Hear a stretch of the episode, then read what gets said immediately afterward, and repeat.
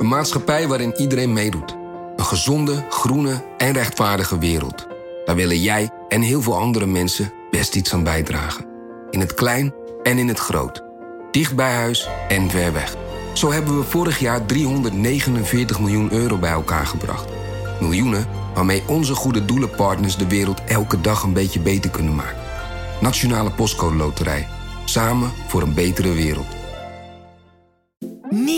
Aquarius Red Peach Zero Sugar. Met zijn heerlijke frisse persiksmaak zonder suiker draagt Aquarius bij tot jouw dagelijkse hydratatie en helpt zo mee om je vochtbalans op peil te houden tijdens alledaagse actieve momenten. Thuis, op het werk of onderweg. Ook verkrijgbaar in smaken lemon en orange. Probeer hem nu. Vanaf de redactie van NRC het verhaal van vandaag. Mijn naam is Floor Boon.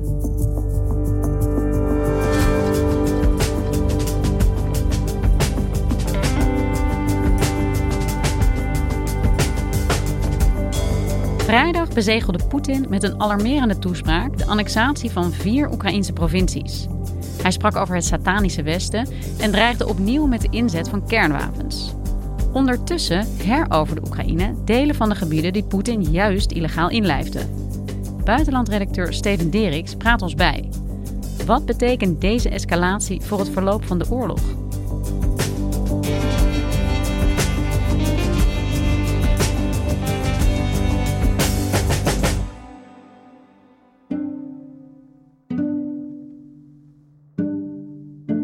Vrijdagmiddag was er in, uh, in de Sint-Joriszaal in het Kremlin een uh, plechtige bijeenkomst.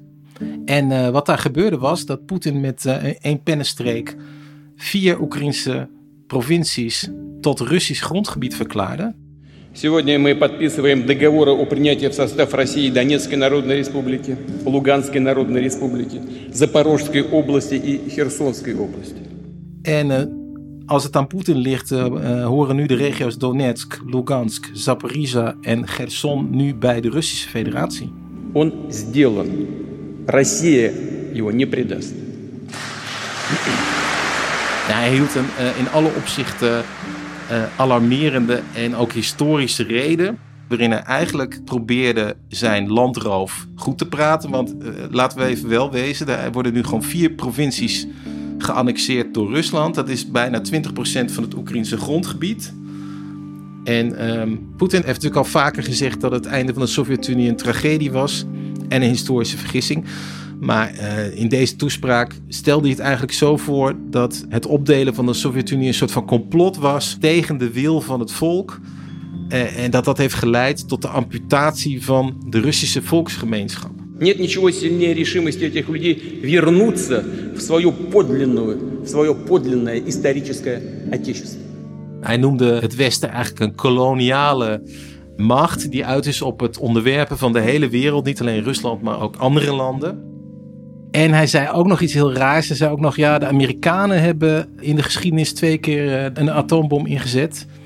Eh, op Hiroshima en op Nagasaki in 1945. En toen zei hij erbij, ja, en dat schept een precedent. США единственная страна в мире, дважды применившая ядерное оружие, уничтожив японские города Хиросиму и Нагасаки.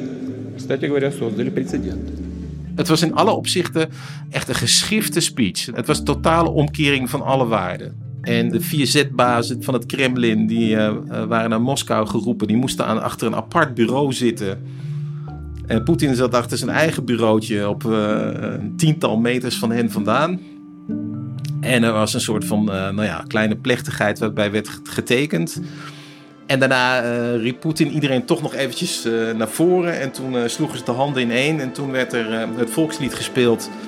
En riepen ze nog allemaal even Russia, Russia.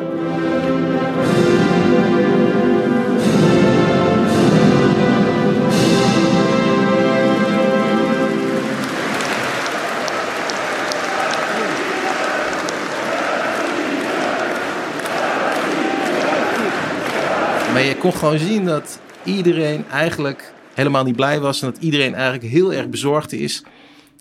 En de reden daarvoor is natuurlijk duidelijk. Want Poetin kan wel gebieden in Oekraïne annexeren. Die, die heeft hij nog lang niet bezet. Hij controleert maar driekwart van het grondgebied dat hij nu geannexeerd heeft. En Rusland is aan de verliezende hand. Ja, Steven, jij bent zelf lang correspondent geweest in Rusland. Uh, volgt nu de situatie voor de krant uh, vanuit uh, Nederland. Hoe keek jij daarnaar? Wat deed dat met jou? Nou ja, ik zat te kijken naar de Russische elite en ik zag hoe bang iedereen was in de zaal. En toen ik dat zag, werd ik er zelf ook heel bang eigenlijk. Omdat ik met die mensen mee kon voelen dat niemand eigenlijk wist wat er ging gebeuren, wat Poetin ging zeggen. En je zag dat mensen zich ontzettend zorgen daarover maakten. En dat vond ik heel verontrustend in twee opzichten. Je zag heel duidelijk dat niemand op de een of andere manier Poetin controleert of invloed op hem heeft. En het tweede was dat die mensen zelf ook ondertussen zich een soort gevangenen zijn geworden van het Poetin-regime. Dus ze zijn allemaal bij elkaar gejaagd om in die grote zaal te gaan zitten. Dat zijn eigenlijk de decision makers van Rusland, zou je zeggen. Maar ja, die nemen geen enkele beslissing meer. Het is alleen Poetin die besluit wat er gaat gebeuren.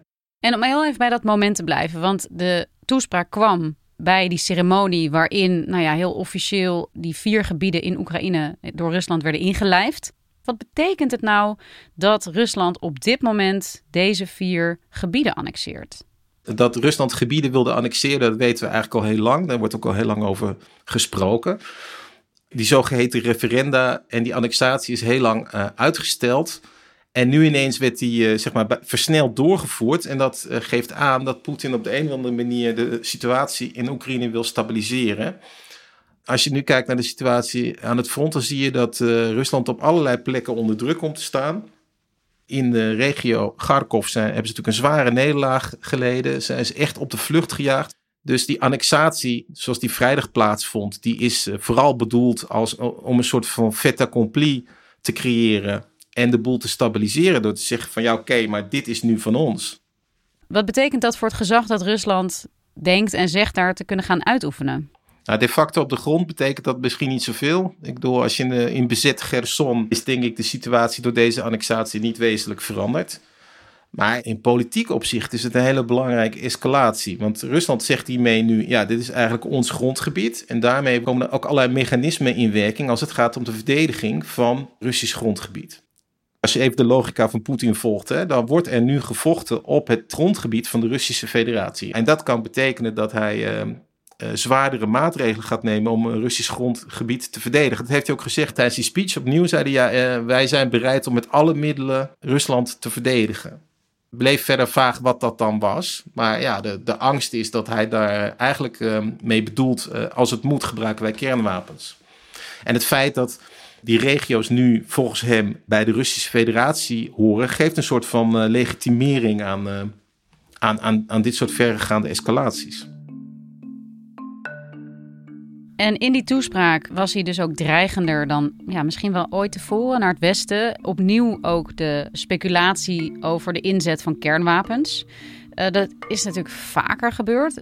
Is dit dan nu anders, hè, als we het hebben over kernwapens? Hoe serieus moeten we dat dreigement nemen?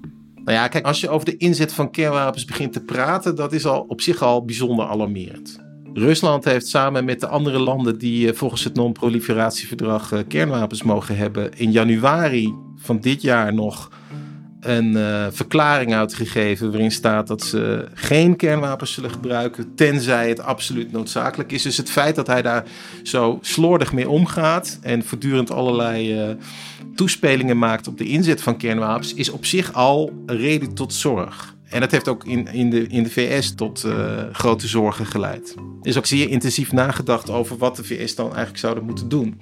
En je zegt, ja, in, in de VS wordt er al veel gesproken over hoe een tegenreactie er dan uit zou moeten zien. Hoe is dat? Wat weten we daarvan? Nou, de, ja, de, wat we weten is dat de Amerikanen de Russen hebben gewaarschuwd over de gevolgen van uh, het overschrijden van de nucleaire drempel. Maar we weten niet of ze daarbij precies hebben gezegd wat ze zullen gaan doen. En het is ook waarschijnlijk dat ze dat niet precies hebben gezegd, omdat ze Poetin natuurlijk in het ongewisse willen laten. Ja, er is een hele uh, trits aan maatregelen nodig, van extra sancties aan de softe kant tot nucleaire vergelding aan de meest extreme kant. Nou lijkt mij dat erg onwaarschijnlijk. Maar ja, er is wel natuurlijk de mogelijkheid dat de VS als Rusland een, inderdaad kernwapens inzet, besluit om uh, conventioneel Rusland aan te vallen. Maar het hele idee van kernwapens en ook uh, het evenwicht daarvan is toch uiteindelijk ook dat op het moment dat het ene land een kernwapen inzet, dat niet onweersproken zal blijven door het andere land en je daarmee ook jezelf vernietigt. Ja, kijk, dat, dat, dat geldt eigenlijk voor de zogeheten strategische kernwapens. Dat zijn uh, intercontinentale raketten die eigenlijk voortdurend klaarstaan om de tegenstander uit te roeien. En dat betekent dat als uh, Rusland uh, een, een, grote aanval zou uitvoeren op de VS, dan voordat die raketten zijn aangekomen, de Amerikaanse oost- en westkust, uh, zijn de Amerikaanse raketten al gelanceerd en vernietigen beide landen elkaar. Dat is zeg maar de nucleaire afschrikking zoals die in de Koude Oorlog heeft gewerkt en zoals die nog steeds werkt. Waar we het in Oekraïne over hebben is iets anders. Dat is de inzet van zogeheten tactische kernwapens. Dat zijn kleinere kernwapens met een kleinere explosieve kracht. Rusland heeft daar heel veel nog van, eigenlijk uit de Koude Oorlog. De VS hebben het grootste deel daarvan opgeruimd. Rusland heeft daar nog duizenden van. En het idee bestaat dat in de Russische militaire doctrine er mensen zijn die denken dat nou, je kunt wel uh, zeg maar lokaal een kleiner kernwapen inzetten zonder dat je dan vervolgens in een escalatie terechtkomt waarbij ook die strategische wapens worden ingezet en de westerse beschaving uh, eindigt. En dat maakt dat er ook een soort van vrees bestaat dat Poetin op een gegeven moment, als hij echt Oekraïne uitgejaagd dreigt te worden, toch zal besluiten om op de een of andere manier een nucleaire aanval uit te voeren. Dan kan het gaan om gewoon een show of force. Een van de scenario's die is genoemd is het laten detoneren van een kernkop boven de Zwarte Zee. Dat ziet er dan spectaculair uit, maar daar zullen geen slachtoffers bij vallen. Er wordt gesproken over inzet van kernwapens tegen militaire doelen. Maar daarvoor geldt dat ja, welk doel moet je dan precies aanvallen? Want uh, troepen in het veld die staan niet allemaal op een kluitje. Die zijn verspreid, die zitten in loopgraven. Militairen zitten vaak ook in panzerwagens en in tanks. Zijn ook op de een of andere manier beschermd. Dus wat ga je dan eigenlijk raken? Er zijn niet zoveel geschikte doelen misschien. En ten derde zit je vervolgens natuurlijk met het probleem dat een, uh, van, de, van de nucleaire fallout een straling. Het zou bijvoorbeeld merkwaardig zijn als Poetin kernwapens inzet in de gebieden die hij net heeft geannexeerd. Ik bedoel, dan, dan, dan bombardeert hij de Russische Federatie als we zijn logica volgen. Als hij kernwapens inzet uh, in de buurt van het slagveld, heeft dat ook consequenties voor zijn eigen troepen. Dus die moeten stralingspakken hebben, die moeten gasmaskers hebben, die moeten zichzelf ontsmetten. Er ligt een beslag op, uh, op de militairen en die lopen ook hele grote risico's. Maar je ziet op de ene manier dat Poetin zich zo vastbijt in dit conflict en zo lijkt te radicaliseren dat iedereen denkt, ja, misschien gaat hij toch deze waanzinnige stap zetten op een gegeven moment. Want hij wil niet verliezen. Dat is dat wat hij, wat hij uitstraalde vrijdag. Ja, want tegelijkertijd schets je ook dat beeld van al die mensen in die zaal die naar Poetin kijken en niet weten wat hun leider gaat zeggen. Aan de ene kant is het een ontzettend berekenbare, autoritaire leider, maar hier zit toch ook een soort onberekenbaarheid in. Iets wat hem zo gevaarlijk maakt ook. Het probleem met Poetin is, is dat hij de afgelopen jaren en maanden uh, geradicaliseerd lijkt te zijn. Je ziet aan zijn standpunten dat hij inmiddels dingen herhaalt die hij al eerder heeft gezegd, maar op een nog hardere manier. Dus vroeger was het Westen was de tegenstander, of misschien zelfs de vijand. Maar inmiddels zegt hij, ja, het Westen houdt zich bezig met een soort van anti-religie en het Westen is de Satan. Hij gebruikt echt het woord satanisme in zijn speech. Ja, dat is wel heel extreem. Hetzelfde geldt voor hoe hij praat over Rusland. Vroeger praatte hij over Rusland als in termen van ja, wij willen ook aan tafel. En uh, wij willen geen monopolaire wereld waarin de VS de, de basis is over iedereen. Er is een multipolaire wereld en de, en de Russische federatie speelt daar ook een belangrijke rol in. Ja, inmiddels heeft hij het over een soort van heilige missie. Als je daar nog bij voegt dat hij eigenlijk ook een alleenheerschappij heeft gevestigd en er eigenlijk in zijn directe omgeving niemand meer is die hem tegen kan spreken, ja, dan, dan, dan kom je toch uit bij een man die uh, eigenlijk met zijn vinger op de knop zit. En dit, dit weekend zagen we hele ferme reacties van uh, Europese leiders, uh, van president Joe Biden. We zagen ook dat Zelensky versneld toetreding tot de NAVO aanvroeg. Hoe waarschijnlijk is dat op dit moment? Dat Oekraïne te midden van deze oorlog dan nu toch bij de NAVO zou komen? Of houdt de NAVO zich op alle mogelijke manieren echt afzijdig? Ja, dat Zelensky een uh, versnelde aanvraag deed voor het NAVO-lidmaatschap was natuurlijk een uh, slimme politieke zet, maar dat wil niet zeggen dat het gebeurt.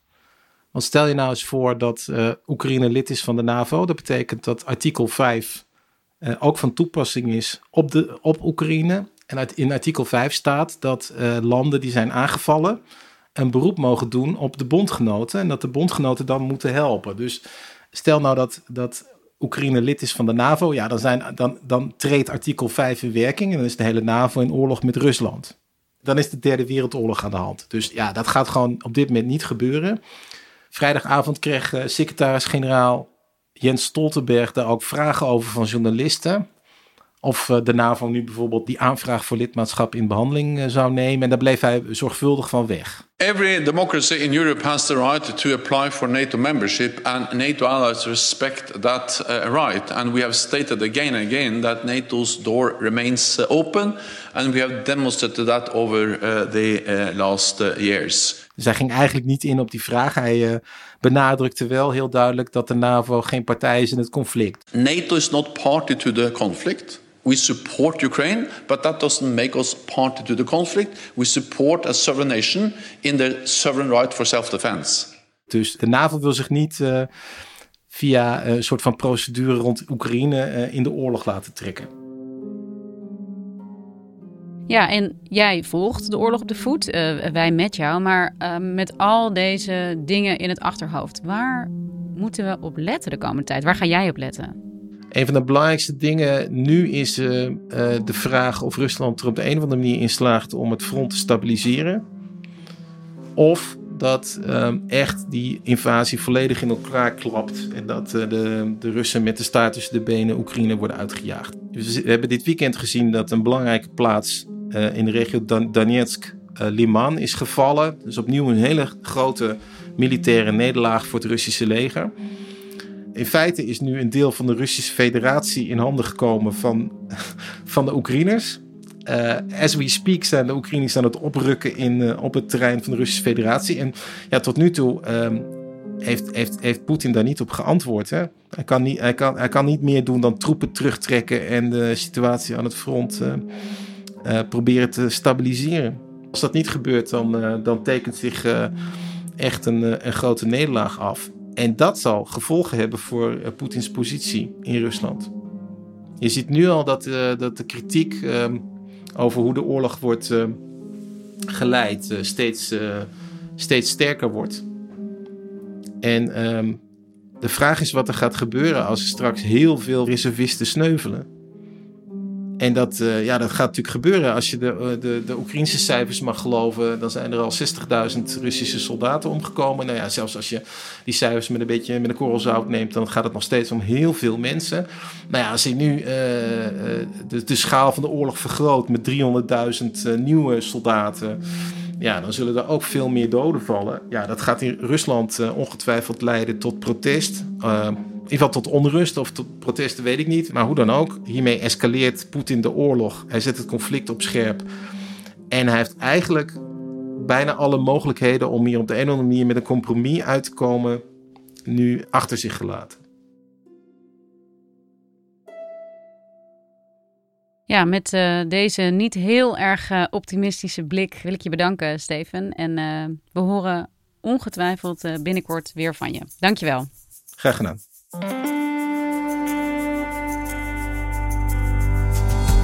Je luisterde naar vandaag, een podcast van NRC. Eén verhaal, elke dag. Deze aflevering werd gemaakt door Mila Marie Bleeksma en Marco Raaphorst. Dit was vandaag. Morgen weer.